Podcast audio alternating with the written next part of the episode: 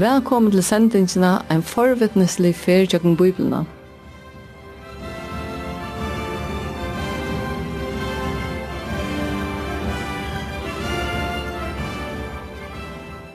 Og i hese senderøyene færer vi saman av færes i jøkken Bibelene for jeg får innlitt i dette store og spennende øke som bøyblian er.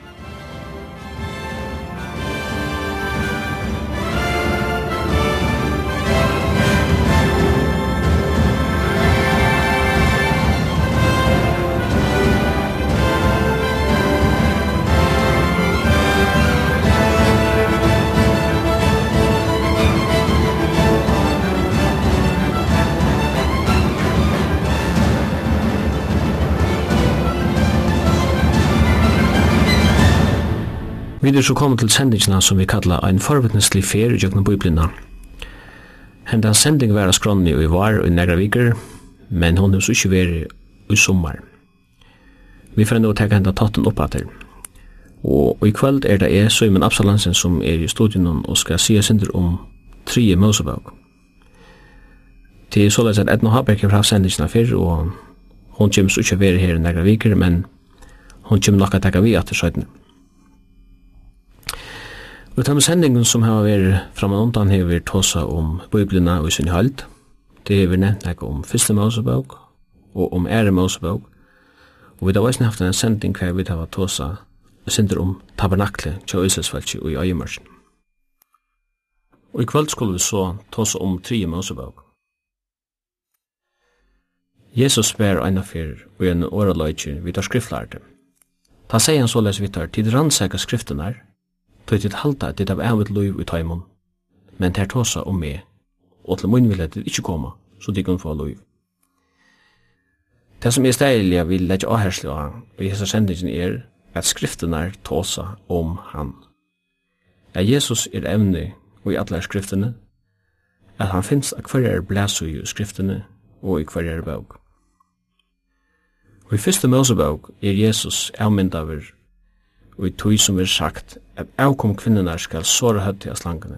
Lyfte var givi om at avkom kvinnenar skulle koma, at menneskesåneren einafyr skulle være føtter.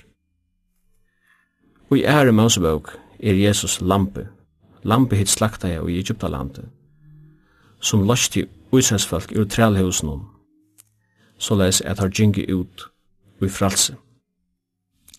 Og i tre Mosebøk som vi nu skulle tås om, er Jesus høvusprestren. Han er han som talar okkar seg i himmelen for fægeren. Hvis vi gjør en samanlukning av ære Mosebog og trie Mosebog, så kunne vi sia i stotten at da vi tar som ære Mosebog, ta kjem god okkar nær, men i trie Mosebog er det vi mennesker som kommer gode nær. Og i ære Mosebog vil menneskene flott ur valde myrskursins, I tri Mosebok er menneska flott inn og i rujtje elskar jeg sånne gods. Og i ære Mosebok sutja vi at god talar av Sinai, vi sutja en god som stender på avstand, og fölkje stender lengt bortstå fra. Og i tri Mosebok talar god ur kjaldenom, ur tabernaklun, mitt ur tilhalte uselsmann. God er kommet nær. Og i ære Mosebok er Moses, høvespersoneren, og i tri Mosebok er det Aron, som er høvespersonen. Moses var kattlaver og sender til uiselsmenn at gjøre eina tænaste, at kalla folk ut. Aran var tidsen i middelen uiselsmenn og gjør eina tænaste i for god. Moses minner okkur nekv om eina apostoliska tænaste, og jo vi at åre apostel merker ein som er sender ut, medan tøtningene åren om ein prester er ein som er tidsen mellom mennesker og som fer inn fyrir god. Vi øren åren, apostelen gjør en tjeneste i for menneskjon, men presteren gjør en tjeneste vekna mennesker, men i for god. Jesus hever boar hesar funksjoner.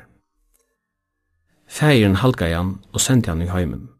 Han var sender av fægeren ut til mennesker, til mannatna, at gjøre godsversk.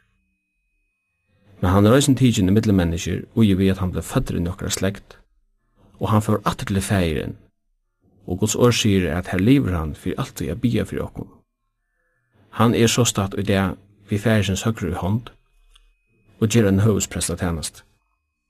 Det er dette som hebrever talar om det han sier, hokse tog om apostelen og høvespresten, og i vid jotta, Kristus. Anna Mosebok er den apostoliska tjennesten, 3. Mosebok er pressetjeneste. Bogen 3. Mosebok er ofte sagt at være gadefør og kanska torreslig. Men jeg vil sige som Salmo 119 sier at hei årtøyne være oppladen, djeva til ljøs, det djeva einfalden og vid. Ta i øtkvart vi lagt, lagt under en sjøneike, og et forstørrelsesglas, ta er det som om en nødgjur heimer åpnar seg fyrir okkom. Så les er det eisne vi skriften om. Tega vi tre Mosebok og leggja henne under til forstørrelsesglese og vi kunne kalla til ljøs og i anden djevr okkom i skriften her, så åpnar en nødgjur heimer seg fyrir okkom og vi sutja møyr av Jesu Kristi rujudøme og til vi han hever fyrir sitt folk.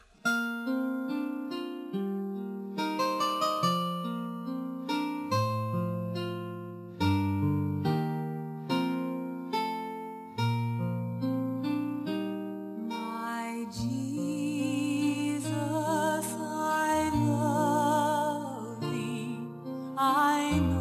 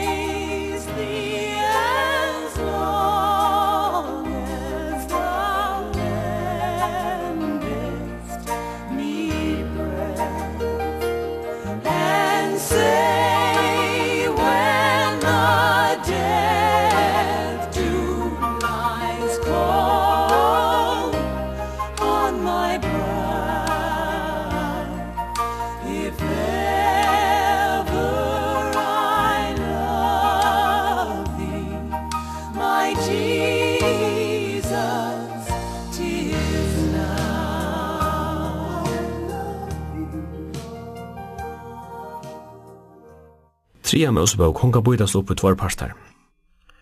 Vi kunne fyrst sia fra kapittel 8 til 20, her tala en bøgjen om at god er heilaver, og at etgang til god er best møvlig vi gjøkken offer. Anna helminger av bøgjene fra 11 til 22 minner okna at god er heilaver, og at mennesker som ikke er liv i samfunnet ved god, må liva og heilaløyga. Bøgjen byrjar vi at hos om offer, og her nevner hon fem imisk offer. Det første offer er brenneoffer, søgjane er matoffer, takkoffer, syndoffer og skyldoffer nevnt. De første tru offrene har en særstakka støve av tui at de vil kalla i fyrir så, så nevnt sjålbøyen offer. Hetta var offer som var gode til takkalian enka. Ørvis var vi tveimatam søgnas i offrene, syndoffer og skyldoffer. Hetta var crowd-offer. God forlanga i hese offrene av Israels falskje. Medan de gjør det som de vil vildi om de offrer i tro i første offrene. Hese fem offrene minna okken av imiska skyer av Jesu Kristi offerdeia. Han sier sara bautardeia fire mennesker. Av til at offrene var frivillig, så tekka de utgangsstøy ui hos god hoksar. Jesus sier einastan såleis at ungen teker løymut. Jeg gjør det av meg sjølvun, jeg har valgt at gjeva det, jeg har valgt å tega det, etter bo fikk jeg fra ferie min. De tre første offrene var sjølvboen offer, og de minne okken av at de offer som Jesus ber fram av Golgata var et sjølvboi offer. Vi synes jo en sannsje, en sjølvillig er Jack, fyrir te fyrir me, ut av Golgata, banna jeg trea.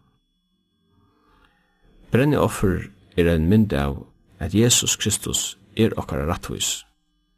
Mætoffer er en mynd av at han er okkara loiv, og takkoffer er en mynd av at Jesus, han er frier okkara. Hetta minnir okkum aftur at her som Herren sier við der skriftlærde. Tid rannsaka skriftinar, ter tala og me. Sindoffer og skyldoffer vær som sagt kravdoffer. Her taka vi utgangsstøy og i menneskjans fallende støv. For jeg menneskjans kunne komme god nær, så kraudest offer. Og det var hetta offer som Kristus kom i. Hesi offrene minna okkon av at Jesus er en sellan hatt blei gjørdur til synd, fyrir okkon. Gås år sier han som kjente ikkje til synd, var gjørdur til synd, og at vi og hans er offerdeia er Guds rattvis syndoffren Det minner okna hver vi dere, er vi dere syndarar, og Kristus døye fyrir syndarar. Men skildoffre talar om det som vi hava gjørst, at han tåg bortur til straff og til synd vi hava gjørst. Han hever två okon fra okkara syndon, og han hever løst okon fra band syndaren. Søttni og tri mås bøk lesa vid om presta. Her leser vi nek om ter rønsan som skulle færa fram. Vi leser om klæger. Vi leser om offer som skulle være i samband med prestavuxna. Om avsletting av blåe. Om at presteren skulle være skilter fra menneskjon. Og så framvegis. Her var ein hoper av ceremonien som skulle oppfyllast. Og etter minner okken atra er god er ikkje en god avskils. Det er skil som fer fram i gudshus. Vi leser eisne om tænastna som skulle fære fram vi altare, om ta prestalige signingsna, og så framvegis. Ein alvarslig amenning veri givin i tria mausbøk, og te er i samband vi te som Guds år kallar fyrir fremmande eldir. God vart han vil at elden falla nir altar, og offer blei brent opp. Ta i prestander eina fyrir kom inn vi fremmande eldir, var god vrøyer, og pressande døy.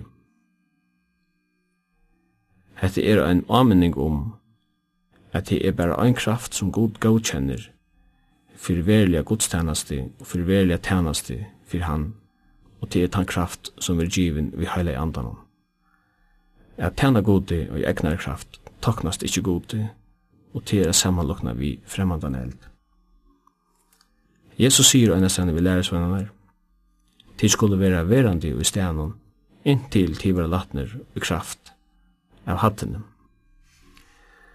Og henda kraften hon kom av kvidusonen, ta i heile anden kom iver læresveinene.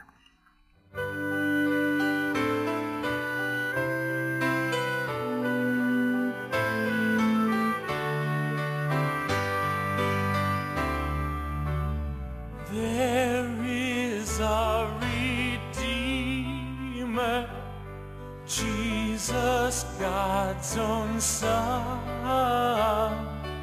Precious Lamb of God, Messiah, Holy One. Jesus, my redeemer.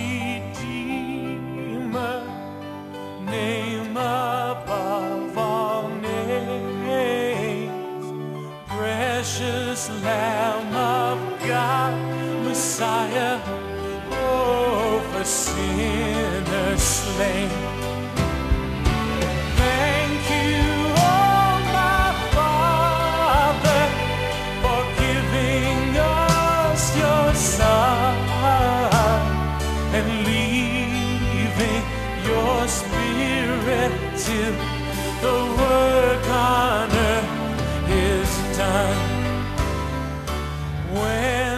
stand in glory. I will see his face and there I'll serve my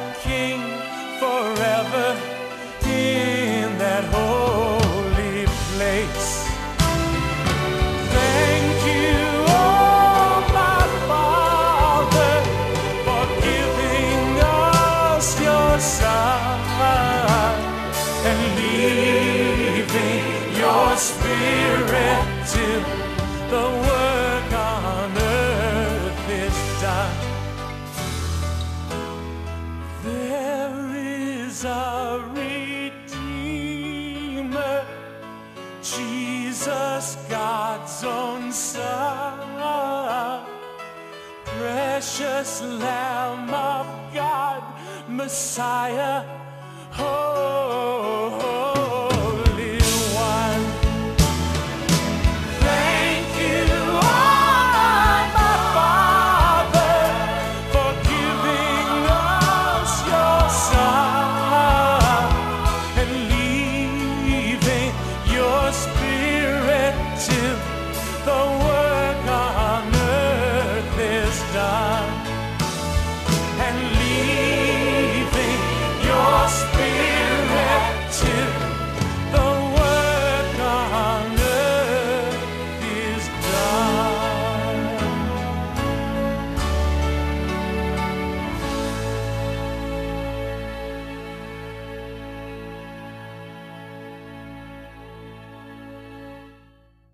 Søtni helmingur av tredje Mosebøk minner okkur nå er godur heilaver, og at heilalagi er neiver for at hava samfellet ved god.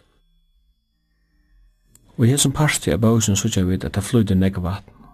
Her er ørgrunne av rannsunar ceremonium, vi vikjande mæti, moralskon rannleika og så framvegis. Og vi sutja eisni at her er bøtardaveren nevntir, hinn store bøtardaveren som var en særlig davar ut i jødiska almanakkanen. Hesen dæver minner okken av Jesu Kristi høvespressadøme, og han minner okken øysen av hans her offerdeie. Henda dagen hei høvespresteren og en særlig tjeneste, då i tandagen fer han inn ut til aller heiligeste. Vanliga dager, så er høvespresteren kladder i tei klæger som vanlige prester høyde, løgnklæger, men her og diver hei han øysen av en særlig tegnelige kape,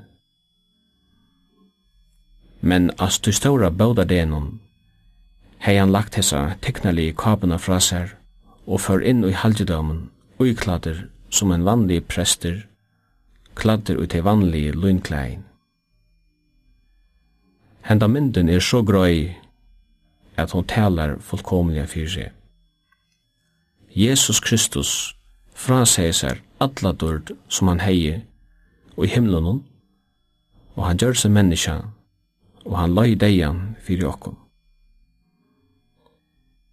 Ta i presten gjør det stora baudardenon, ta kan òsne leia tankar okkar han, til det heila i kvöldmåltøyna, ta Jesus røstest, og leie klei sunni av seg og bant lynklei opp fyrir seg og føra tvoa læresvennon om føtternar. Og han turska i der vi lynklein. Han vær komin fyrir at tæna og ikkje fyrir at vera tanter. Ta vi koma til 3 Mosebok, kapittel 23, så er en ørgrina høgtøy nevndir her, som høyde samband vid den jødiska almanakkan. Høgtøynar er fløyre talen, men vi kunne nevna trutjar høveshøgtøyer, det var fyrst påskahøgtøyen, som var i fyrsta måned, Så kom vikuhøgtøyen, eller kvitsunhøgtøyen, som var i tria manna, og at enda og kjenda manna var det leivselhøgtøyen. Hon var hilden at halvt er 18 av påskjenar. Hesa er høgtøyer hadde en særlig tøytning, der pøyga i fram etter profetist om nega som hei vi framtøyna gjerra, men der pøyga i æsni atter etter av en søvlig hending og søvi usselsmanna. Guds år er alltid tvoja og det er det òsne i hesen for. Påsjenar pøyga i atter av lampe som er dripe i Egyptalandet, men profetisk pøyga det fram etter møte lampe gods som tøg bort sin tamsens av Golgata.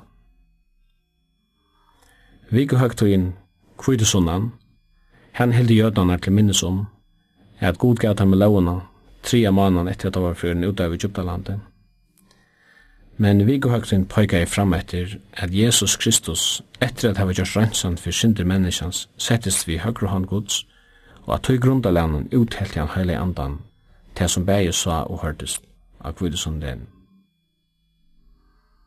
Leivsal Høgrin og kjendamanna, mynte der av at godleat uisesmenn byggva og i leivsulen ta han løyte der ut av Egyptalandet, men fram etter pøyga da og i møte fria rujtji Kristusar, Ta i Kristus ærefer skal åpenberast og setta sitt frie røyke av stavn av hjørne. Hetta høyre framvis framtiden til. Og i enda noen av bøtjen er et år av fedle som vil brukt flere ferie og til hetta er i Herren god tikkara. Og det kan østen være høskande her til sørst å sige at hetta kan være iveskrift til bøtjena, 3 Mosebøk. Jeg er i Herren og er god tikkara.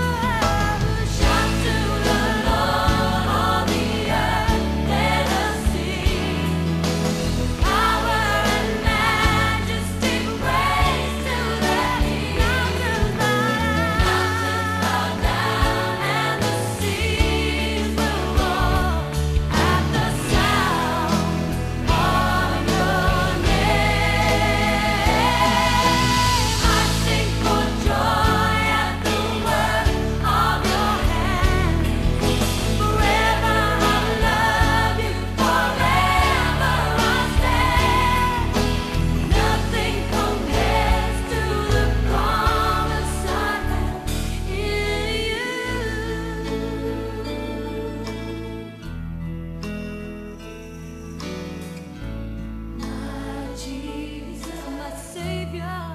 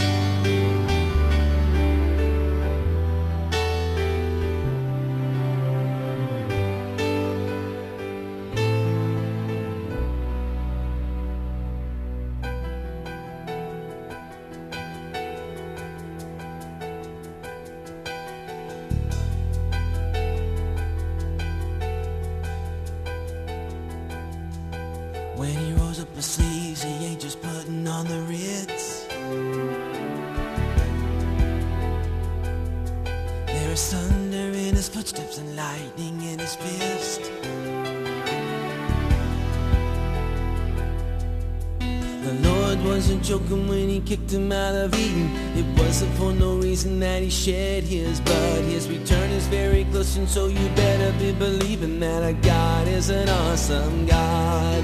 Our God is an awesome God. He reigns from heaven above with wisdom, bar and love Our God is an awesome God.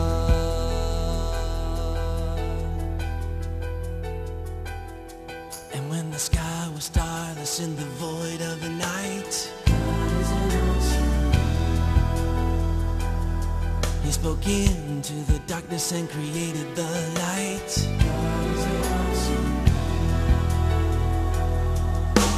Judgment and wrath he poured out on Sodom. Mercy and grace he gave us at the cross. I hope that we have not too quickly forgotten that our God is an awesome God. God is an awesome God He reigns from heaven above with wisdom, power and love. Our God is an awesome God. Our God is an awesome God.